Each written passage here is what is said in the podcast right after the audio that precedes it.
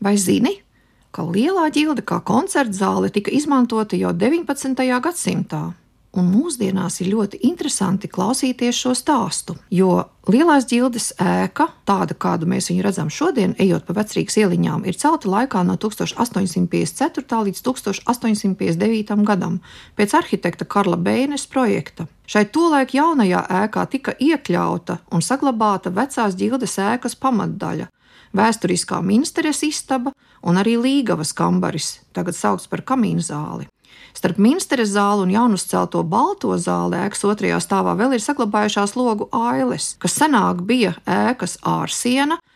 Tikai līdzās senajām logu ailēm no ir ierīkotas arī četras durvis, kas savieno Minsteres zāli ar balto zāli. Ieja lielās ģildes ēkā 19. gadsimtā bija stūrī, starp mazo ģildi, ļoti skaistām, masīvām koka durvīm, un šo ieeju augšā uz jumta vainagoja neogotiskas formas torņveida frontons ar iebūvētu pulksteni. Diemžēl tas nav saglabājies līdz mūsdienām, bet ir bijis ļoti skaists, spriežot pēc fotografijām. Vēl lielās ģildes ēkas celtniecības laikā Rīgā uzvirmoja domas par to, vai jaunā ēka varētu būt piemērota muzikālām aktivitātēm, jo izvēles iespējas koncertu rīkošanai Rīgā tajā laikā bija nelielas - Melngaunams, Mazā ģilde vai pilsētas teātris Lielajā ķēniņu ielā, tagad Vāgner ielā 4. Tā 1858. gada 6. martā laikrakstā Rigaše Caitung rakstā mūzikas biedrības trešais abonementa koncerts, kur atstāstīta kora un kamermūzikas koncerta noris mazajā ģildē, jeb kā toreiz teica Svētā Jāņa ģildes zālē, ir rakstīts tā. Ar cerīgu skatu tiek vērota lielās ģildes nama celtniecība, bet nav zināms, vai telpas tiks dotas koncertiem un Rīgas mūzikas biedrības regulārām tikšanās reizēm, jo telpas ir paredzētas citiem mērķiem. Tāpat šajā rakstā uzsvērts, ka tas, ka ideju par mūzikas zāles celtniecību līdz šim nav ierosinājuši Rīgas iedzīvotāji ar mākslinieckām izjūtām, var izskaidrot tikai ar to, ka līdz šim nav bijusi piemērota vieta šādai būvēi. Savukārt raksta nobeigumā ir izteiktas vēlmes attiecībā uz koncertiem piemērotām telpām. Mūsuprāt, pietiktu pirmais stāvs ar vestibīlu, ar telpām priekš mēteļiem un klausītāju apkalpotājiem, ar telpām, instrumentiem un bibliotekai, kā arī ekonomistam. Faktiskajai zālē vajadzētu atrasties virs šīm telpām. Mēs ticam, ka ar zāli, kas veidot saskaņā ar akustikas noteikumiem, tiks apmierinātas patiesas vajadzības un sniegta neatkarība mūsu muzikālajām vienībām, pārtraucot viņu iepriekšējo nomadu dzīvi. Diemžēl šāds attīstības scenārijs, kāds ir atstāstīts šajā rakstā, jaunajai lielās ģildes ēkai gan nebija plānots.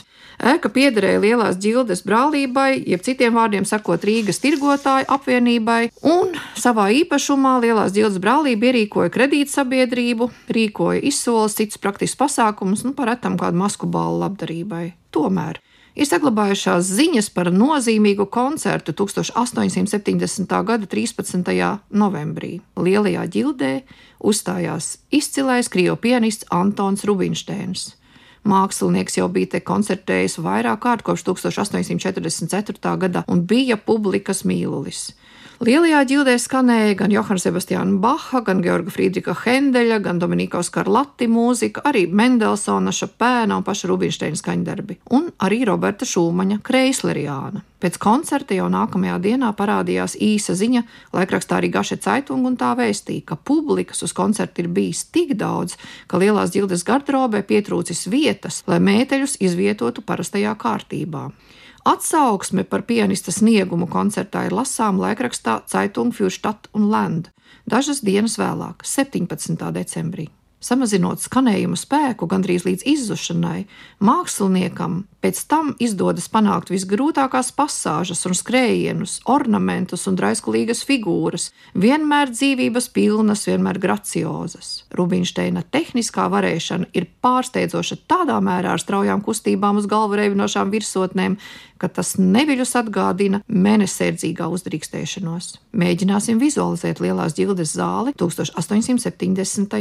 gadā. Tā bija iecerēta kā sanāksmju zāle ar augstiem griestiem, bagātīgi rotātiem koka griestu pārsegumiem un stilizētiem gotiskiem kogriezumiem. Grīda zālē bija vienā līmenī, pārsegta ar kvalitatīvu parketu, bez skatuves uzbūves un bez skatītāja rindu slīpuma, kas atrodas zālē tagad.